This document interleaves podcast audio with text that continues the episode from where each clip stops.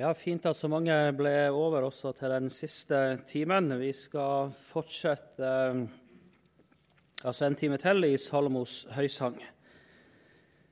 Overskrifta for eh, denne timen er henta fra kapittel 2, vers 15, der hvor bruden ber i møte med sin brudgom, fang revene for oss, de små revene som ødelegger vingårdene. Vi skal ta og be før vi fortsetter. Gode Gud, vi har lyst til å be om eh, din velsignelse over våre liv, over ditt ord. Vi har lyst til å be om stillhet i eh, vårt indre, Herre. Så har vi lyst til å eh, be om at gaven som ble samla inn, kunne du få røre ved, slik at det ble nok til så mange, så mange. Velsign arbeidet som drives her ut ifra Betlehem, Herre. Amen. Vi skal lese fra Høysangen kapittel 2, eh, fra vers 7 eh, og utover. Der står det sånn.: Jeg ber dere inderlig, dere Jerusalems døtre, ved gasellene eller ved hindene på marken, at dere ikke vekker og ikke egger kjærligheten før den selv vil. Hør, der er min elskede. Se, der kommer han springende over fjellene, hoppende over haugene.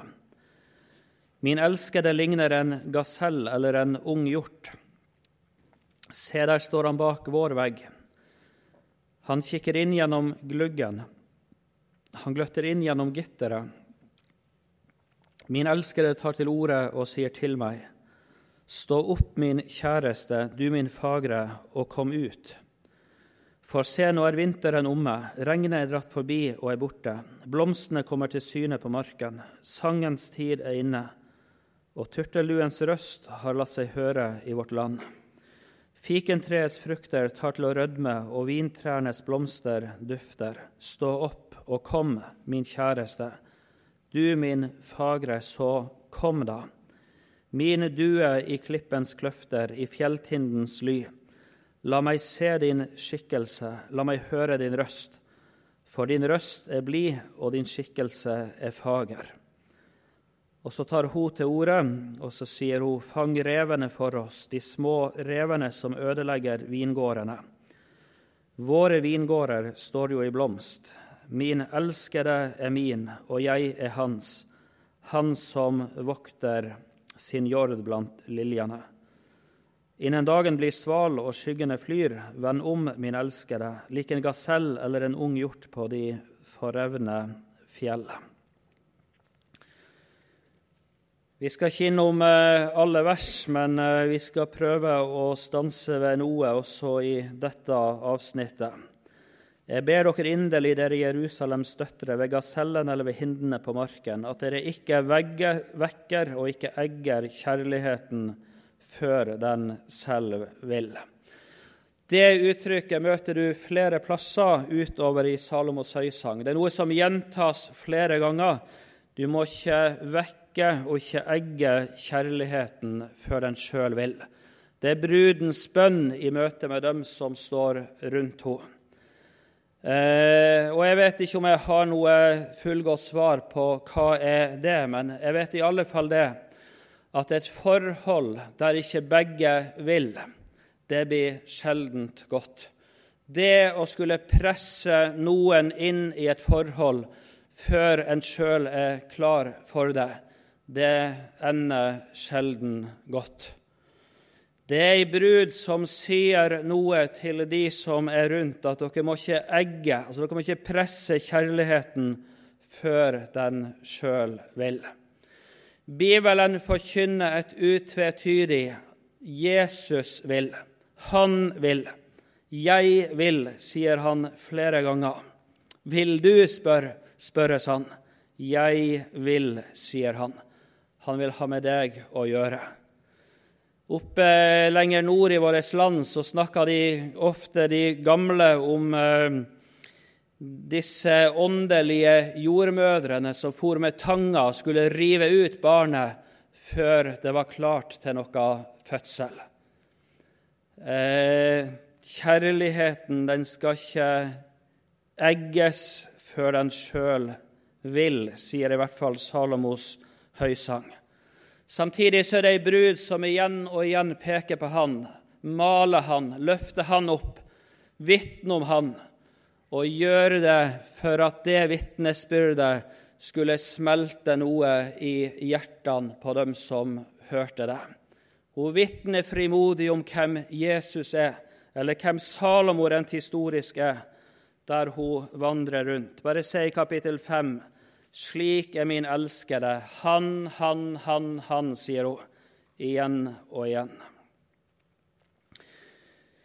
Kapittel 2, der sier hun det at 'Høre, der er min elskede', se der kommer han springende over fjellene, hoppende over haugene. Min elskede ligner en gasell eller en ung hjort. Se, der står han bak vår vegg. Han kikker inn gjennom gluggen, han gløtter inn gjennom gitteret. Han kommer, sier bruden. Han kommer til meg. Hun forteller ikke om si vandring til han, men hun taler om hans komme til hun. Han kommer. Han kikker inn gjennom gluggen, gløtt inn gjennom gitteret. Og så tar han til orde, og så sier han til meg, sier hun, stå opp min kjæreste. Igjen, min kjæreste, du min fagre, og kom ut. Og så taler han om noe nytt som har kommet. Han taler om en vinter som er forbi. Han taler om en, en ny tid som, som, har kommet, et regn som har dratt forbi og er borte. Og så er det ei ny tid. Blomstene kommer til syne på marken. Sangens tid er inne, osv. Og så står han der i møte med ho og sier igjen, Stå opp og kom, min kjæreste. Du min fagre, så kom da. Kom, kom, kom, sier han. På spansk så står det 'venn', altså V-E-N, venn. Jeg har eh, adoptert fire barn i årene ute i Sør-Amerika så eh, møtte vi masse adopsjonsfamilier som kom fra ulike land, både Norge, Nederland og ulike eh, områder.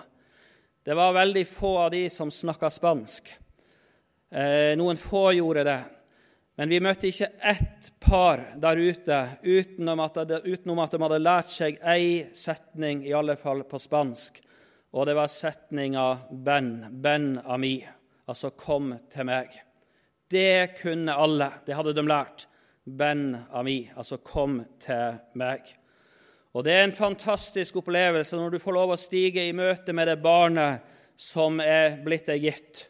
Eh, når alt er i orden, når prisen er betalt, og når papirene er gjennomgått, og får lov å stige inn i møte med barnet og rekke sine hender imot det og si 'Ben, kom'. Kom, kom til meg, benna mi.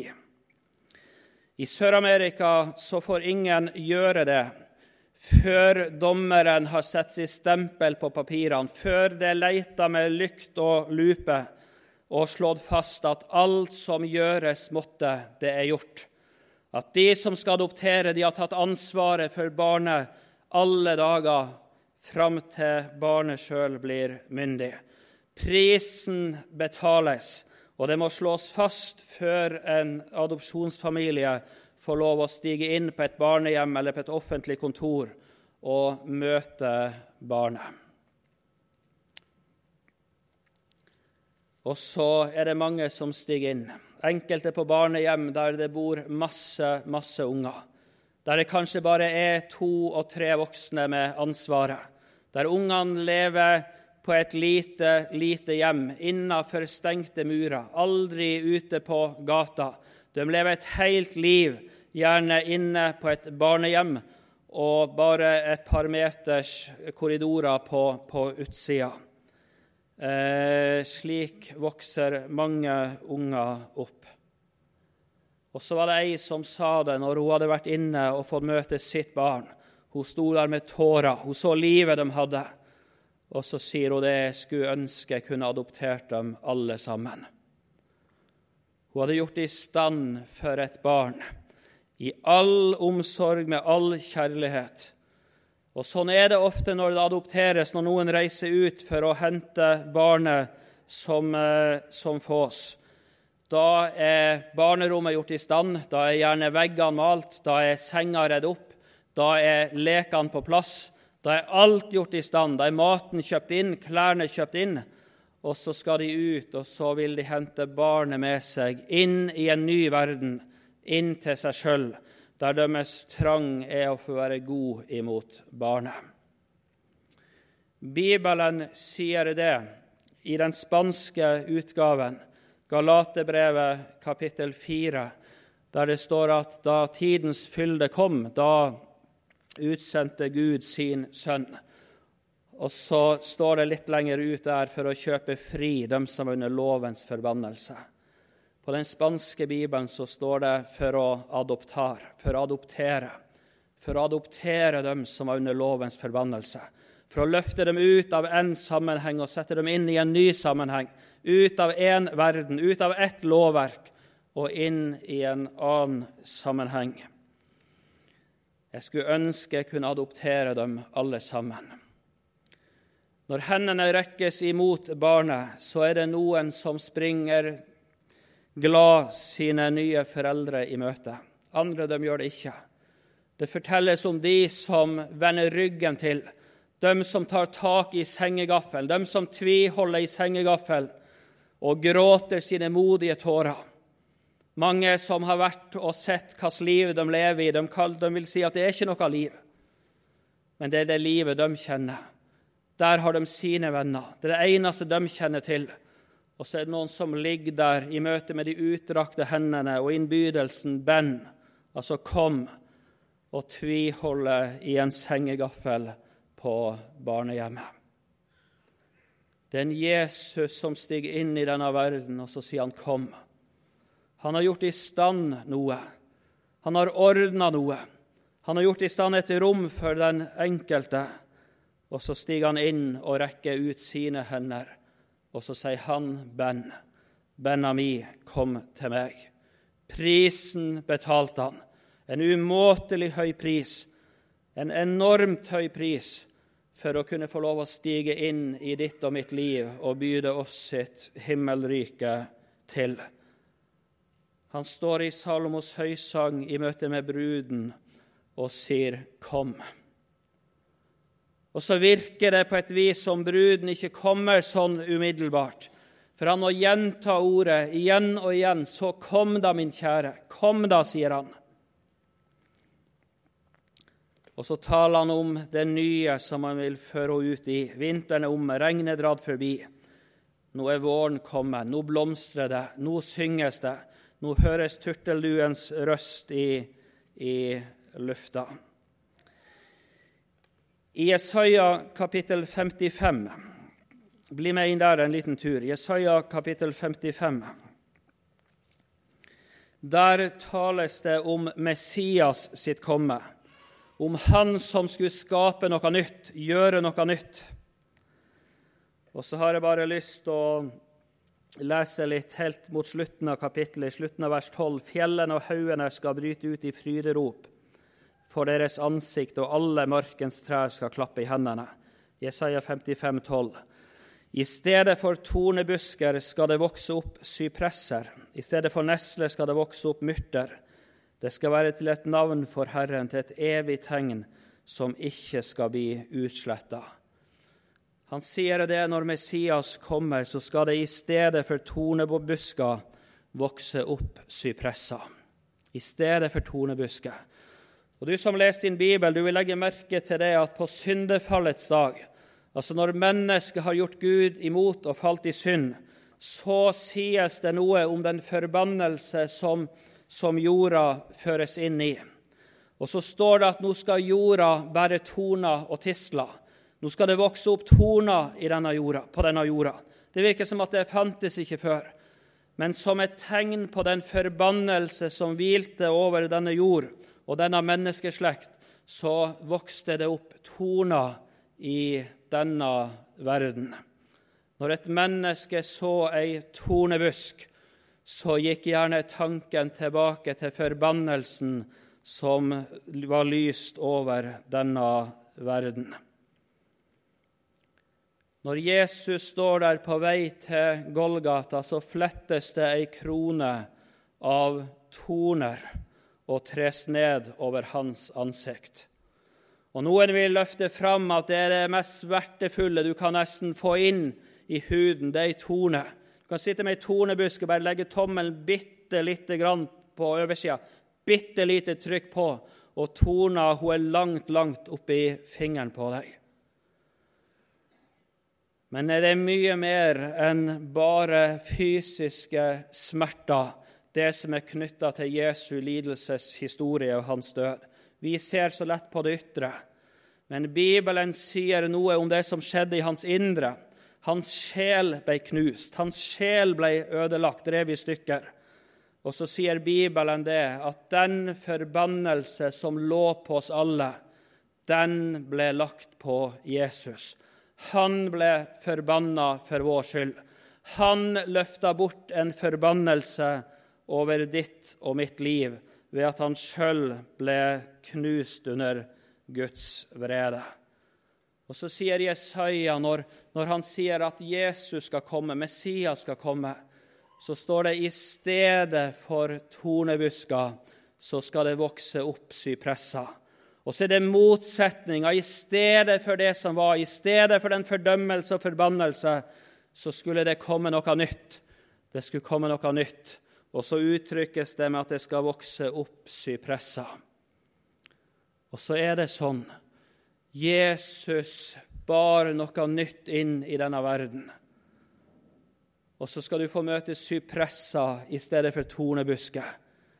Vi leste det i Høysangen N. Hun sa noe om at når hun så oppover, tak og loft er sypresser, sa hun. I stedet for krav så skal du få møte nåde. I stedet for fordømmelse så skal du få møte kjærlighet. I stedet for forbannelse så skal du få møte velsignelse. I stedet for alle syndens konsekvenser så skal også du i ditt liv, i samfunnet med Jesus, få nyte godt av alt det Han har ordna i stand. Den sanger som skriver noe om det riket som han kaller oss inn i, vil ha oss med inn i. Han sier det sånn, og da tenker han ikke bare på en himmel som det endelige målet, men akkurat her i livet, akkurat nå, så vil Jesus føre oss inn i sitt rike. Og så kaller sangeren det i syndsforlatelsens rike der alt er sona, tilgitt, glemt. I rettferdiggjørelsens rike, der alt er oppfylt, hvert krav, hvert bud. Og Så møter du det så mye, ikke minst i Galaterbrevet, hvordan det tales om at et menneske, også med sin kristne bekjennelse, så lett vil bort ifra nåden, bort ifra det fullbrakte, og leve under lovens krav. Da kommer en inn under lovens forbannelse. Da mister man Jesus, sier Galaterbrevet noe om. Og så er det en som står igjen og igjen og kaller. Han vil ha bruden med seg ut i sangens tid, der turtelduens røst høres, der hvor våren spirer, der hvor sypressa vokser fram, inn i et fullbrakt, fullbrakt verk. Det sto en Jakob i møte med farao. Han sa om sitt liv få og onde har mine leveårs dager vært. Da han kommet ned til Egypt. Da har Josef sendt bud på han. Da har Josef sagt noe om at nå har han stelt i stand et land for Jakob. Der skal Jakob få bo, der skal hans sønner få bo, hans barnebarn få bo. Han har stelt i stand noe for Jakob. Der vil Josef sørge for han. Josef, som var et av de sterke forbildene på Jesus. Før han stiger inn der, står han i møte med farao, og så sier han om sitt liv Få og onde har mine leveårsdager vært.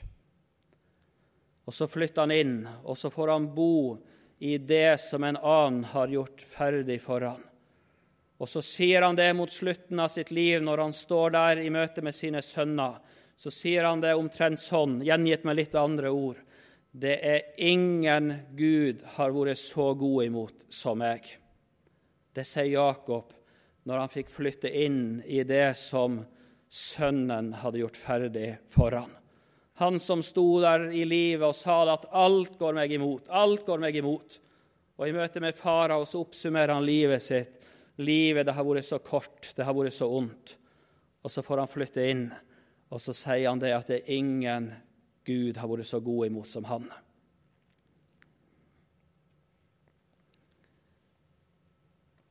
Og så står brudgommen, kongen, og kaller på bruden. Kom, da. Kom, kom, sier han. Eller ben av mi, som det står på spansk. Legg merke til, ehm, til det som han sier videre her i ehm, det 14. verset. Min due i klippens kløfter, i fjelltindens ly. La meg se din skikkelse, la meg høre din røst. For din røst er blid, og din skikkelse er fager. Det er hans trang. Han setter ord på hva han vil. Han sier det til henne. La meg få se deg. La meg få høre deg. La meg få se din skikkelse. La meg få høre din røst. Og Blar du fram til det åttende kapitlet i Salomos eh, høysang, så møter du det siste som brudgommen sier, det siste som sies av hans munn du som bor i hagene, venner lytter til din røst. Vers 13. Venner lytter til din røst. La meg få høre den. Det er så mange andre, det er så mange av dine venner som får høre din røst gjennom, dagen, gjennom dagen. Og så sier han, 'La meg få høre den'. La meg få høre den. Og så er det en voldsom innbydelse som sier noe om at det er en trang i hans hjerte å få se deg, være sammen med deg, høre på deg. Jeg satt på ei campingvogn for noen år siden på Sørlandet og hørte en mann som satt og jamra seg og sukka over alle disse som skulle i møte med, med, med Gud om alle slags småting i livet. Bare man hadde influensa, så skulle man liksom folde sine hender og be Gud om å, å, å, å hjelpe henne. Og jeg satt og knapt trodde hva jeg hørte, og tenkte 'hjelpe meg'. Er det et sånt bilde man har av Gud? At det å komme til Gud er en plage for han, et mas for han. Han sa det med rene ord. Jeg syns ikke vi skulle plage han med sånne småting. Mor mi hun sa det en gang. Ei utrolig tålmodig mor. Vi var fire små som vokste opp veldig tett. Han Pappa var masse borte når vi vokste opp. Hun Mamma var utrolig tålmodig. Men jeg husker en dag når det sprakk også for henne. Og så sier hun, 'Jan Tore, nå må du slutte å mase.' Det såk inn i meg. Det gjorde noe med en liten gutt. Det gjorde at det ble vanskelig for meg å gå hun mamma i møte når jeg kjente på ting jeg gjerne ville snakke om, fordi jeg var redd for at det skulle oppleves som et mas og ei plage. Brudgommen i Salomos høysang, som et bilde på Herren sjøl, han ville så gjerne si til deg og meg at sånt må ikke du tenke om han. Sånt må ikke vi tro at det er en plage for han, at det er et mas for han. Det er ingenting han heller vil enn å få se deg og få høre deg. Og så skal du få si han alt slik som det er. Vi skal inn i det 15. verset. Der sier bruden det sånn.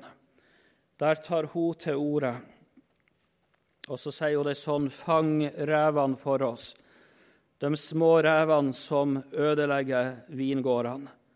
Våre vingårder står jo i blomst. Vi møter ei som er redd for sin vingård. Og Rent historisk sett så hadde en vingård en voldsom verdi.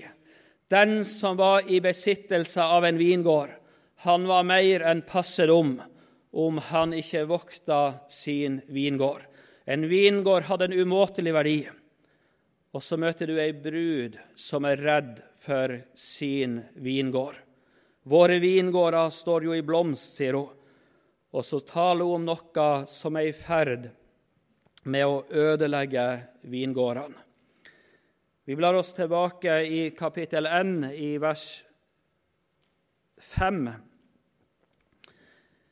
unnskyld, vers 6, kapittel 1 og vers 6. Der sier hun det sånn. Min mors sønner ble harme på meg. De satte meg til å vokte vingårdene. Min egen vingård har jeg ikke vokta. Det er hennes vitnesbyrd. Det var blitt hennes jobb, hennes oppgave, hennes kall i livet å vokte, sine, vokte de mange vingårdene. Og så sier hun min egen vingård har jeg ikke vokta. Har jeg ikke vokta. Og så møter du henne i kapittel 2, der hun er så inderlig redd for sin vingård. De står i blomst, men det er noe som ødelegger vingårdene. Vi gjør godt eller vel i å merke oss hvordan Bibelen andre plasser taler om de ulike uttrykkene som løftes fram. Det gir oss en hjelp til å skjønne også hva som vil sies når vi møter uttrykk som kan virke fremmed og underlig for oss. Det må ikke bli sånn at her setter vi oss ned i en ring og, og tenker 'Hva mener du?' og 'Hva tror du?' og 'Hva mener jeg?' og 'Hva tror jeg?' Det skal vi få lov å dele. Men det som er viktig, er at vi hjelper hverandre inn i Guds ord og spør hva sier Bibelen. Hva møter vi i Bibelen om det her? Jeg har lyst til å åpne Jesaja kapittel 5. Jesaja kapittel 5, der sier profeten det sånn. Der synger han en sang om sin Gud. Jeg vil synge om min elskede, synge min venns sang om hans vingård. Min venn hadde en vingård på en fruktbar haug. Han gravde den om og renset den for stein og plantet edle vintrær i den. Han bygde et vakttårn midt i den, og han hogg også ut en vinpresse i den. Og han ventet at den skulle bære gode druer, men den bar ville. Og nå, dere Jerusalems innbyggere og Judas menn, døm mellom meg og min vingård. Hva var det mer å gjøre med min vingård som jeg ikke alt hadde gjort med den? Hvorfor var den ville druer når jeg venta at den skulle være gode? Og så står det litt lenger ned i det syvende verset.: For Herren herskarenes Guds vingård er Israels hus. Vingården, det var et bilde på folket, sier Jesaja kapittel 5, vers 7. Og så den som synger en sang om sin Gud og hans forhold til sin vingård. Han vokta den, han vanna den, han rydda den, han planta i den. Hva var det vel mer å gjøre, sier han, med sin vingård som ikke han hadde gjort? Likevel så vokste det opp ville frukter. Og så er det en som sier det Herren herskarenes Guds vingård. Det er det hans folk. Og Så kan en gjerne si det at vingården den er et bilde på hjertet som er sentrum i menneskets liv. Ordspråkene kapittel 4 og vers 23, der ropes det ut til oss:" Bevar ditt hjerte framfor alt du bevarer, for livet utgår derifra. Bevar hjertet ditt framfor alt det du bevarer. Vi har så mange ting vi vil ta vare på. Vi opplever bestandig at bodene er for små i husene, garasjene blir for små. Jeg bodde i Tromsø en gang og så ned på en nabo som hadde to biler på utsida av en dobbeltgarasje hele vinteren. Han sto der og kjempa hver eneste morgen og kosta og skrapa snø av bilene og is. Og jeg lurte på hvorfor i all verden kjører du ikke bilene inn i garasjen. Helt til våren kom, og jeg sa så mann åpna garasjedøra, og det velta ut av ting som hadde samla på. Det velta bare ut. Vi er så flinke å ta vare på. Bibelen sier du må ta vare på hjertet ditt. Du må vokte hjertet ditt. Framfor alt du tar vare på, så må du vokte hjertet ditt. Vi vokter gjerne våre potteplanter og våre kjæledyr mye bedre enn vi vokter våre hjerter. Skal man på ferie i 14 dager, så er det en tur innom naboen og spørre kan ikke du inn og vanne plantene. Eller kan ikke du se til katta og gi henne mat? Og så kan vi leve en hel ferie uten at vårt hjerte, vår sjel, får næring. At en bibel åpnes, eller at det høres noe ifra Guds ord. Du må ta vare på hjertet ditt, sier Bibelen. Og så er det ei som er redd for sin vingård. Legg merke til hva hun gjør. Hun går til sin elskede også med den nøden og den redselen. Hun sier, 'Fang revene for oss', de små revene som ødelegger vingården. Det er et vitnesbyrd om at det er noe som ikke hun klarer å få tak i, det er noe ikke hun klarer å få kontroll på. Og så går hun til sin elskede, og så ber hun om at du fanger revene for oss. Og Legg merke til at hun sier at det er de små revene. Det er ikke den svære elefanten som tramper inn i åkeren, men det er de små revene. De som kanskje ser så uskyldige ut, så enkle ut. Og så står hun der i en dyp nød. Hun vet at det er noe som er i ferd med å ødelegge min vingård. Og det får ikke jeg tak på, det klarer ikke jeg å få styre og få kontroll på. Og så går hun til han med bønna nå må du fange revene for oss.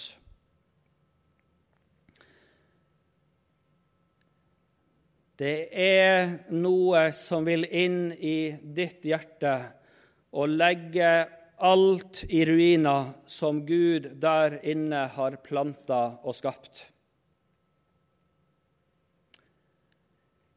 I Det gamle testamentet så leser du så ofte om en tjeneste som sjelden løftes fram i dag, som det sjelden pekes på i dag.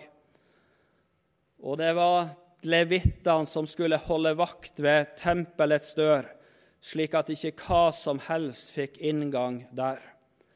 Det nye testamentet sier det at legeme, ditt legeme, det er tempel for Den hellige ånd.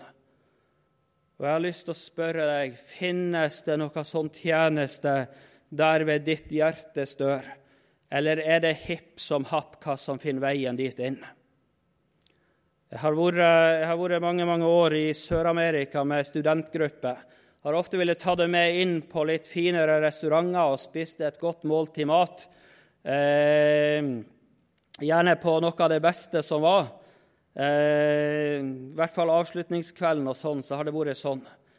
Der er det dekka opp, der er det pynta med servietter, med duker, med, med bestikk, med glass, med, med, med tallerkener. Og så ser man det år etter år.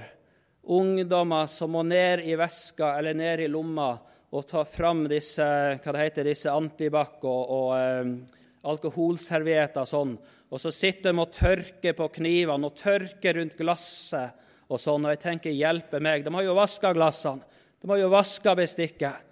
Men så sitter de der år etter år, det endrer seg ikke, og tørker med disse alkoholserviettene. Og jeg spør meg sjøl hvorfor gjør de det. Jo, de er så livredde for at det skal komme inn noen bakterier i kroppen som gjør at de kanskje blir uvel i magen i 14 dager.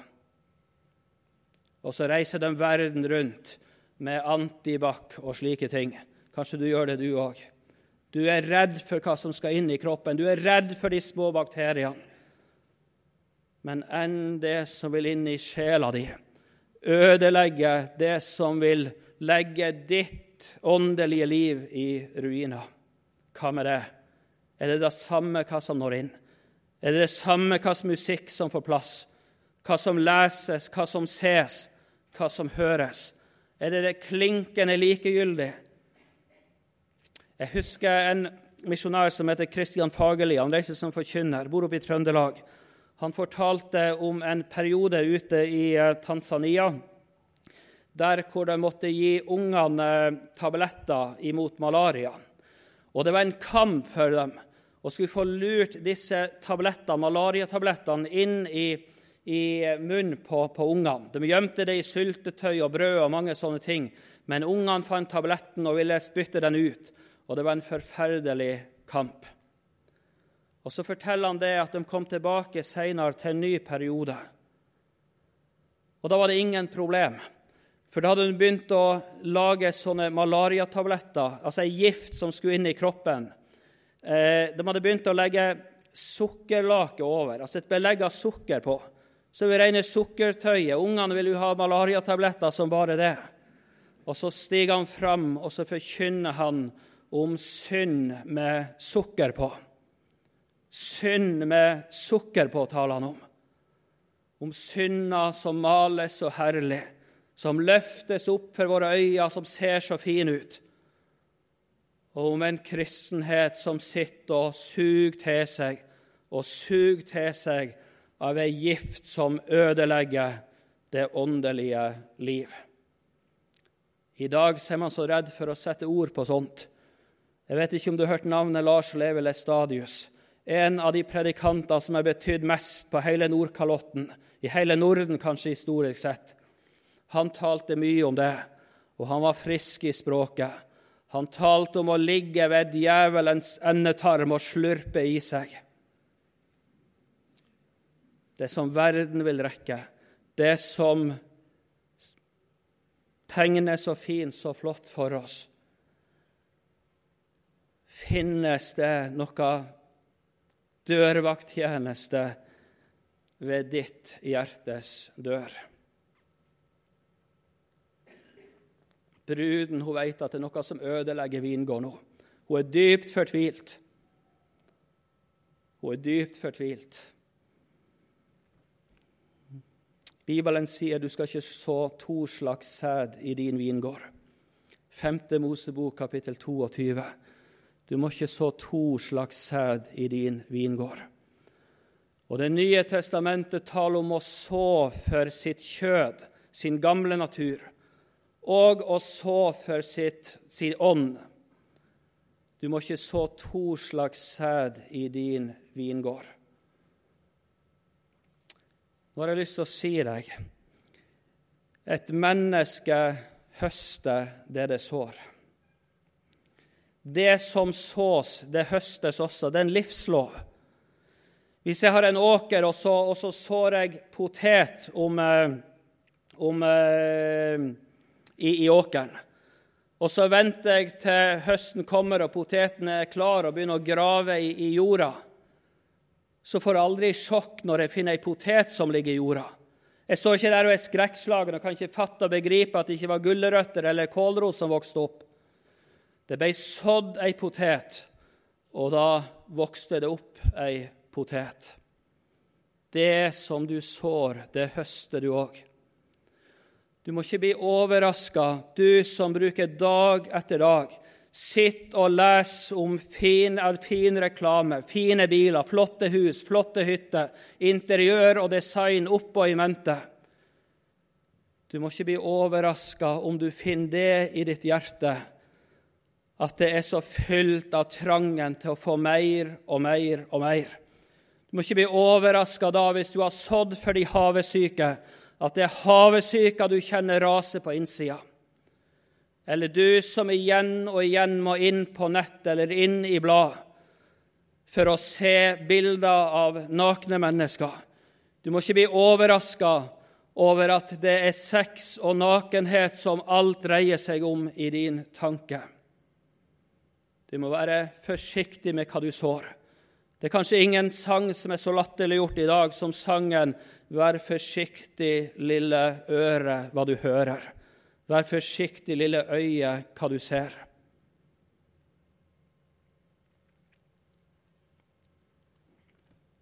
Det er i alle fall ei brud som står i dyp fortvilelse i møte med sin brudgom, og så sier hun det akkurat som det er. Hun klarer det ikke. Hun får ikke tak på det, hun får ikke kontroll på det.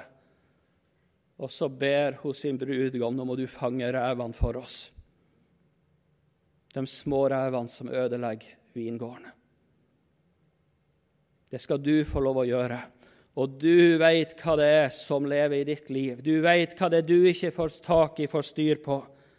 Du skal få lov å si det til han akkurat som det er. Hallesby sier det at å be, det er å lukke Jesus inn i sin nød.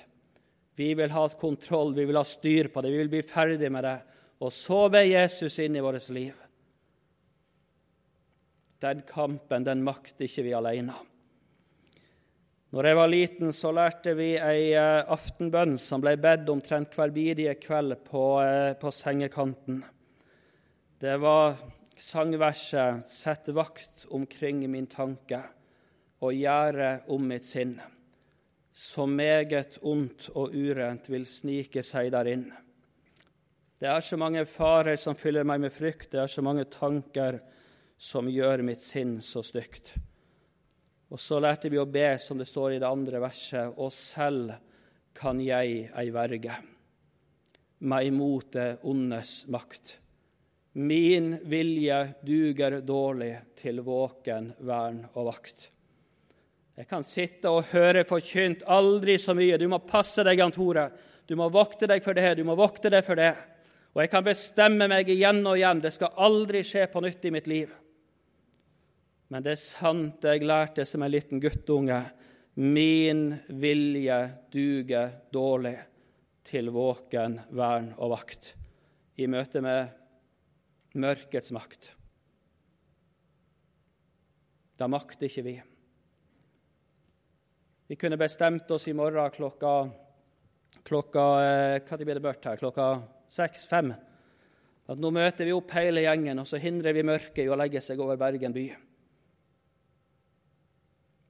Det er en makt som er for sterk for oss. Vi kunne samle all verdens teknologi. Mørket, det kommer. Det er bare én ting som kan drive deg bort. Det er lyset. Og så er det lyset Jesus som også vil inn i ditt liv og lyse for deg, slik at du blir glad i Han, og slik at all denne verdens fristelser mister sin glans. Herre Jesus, jeg har lyst til å be om det, om du kunne fange revene også for oss, det som ødelegger vårt hjerte. Jeg har lyst til å be deg om det. Må du hjelpe oss at vi våkner opp, at vi ikke bare lar det ture og gå. Men Herre, om du kunne få kalle oss inn til et oppgjør med deg, der du fikk løse og sette fri. Det har jeg lyst til å be deg om. Amen.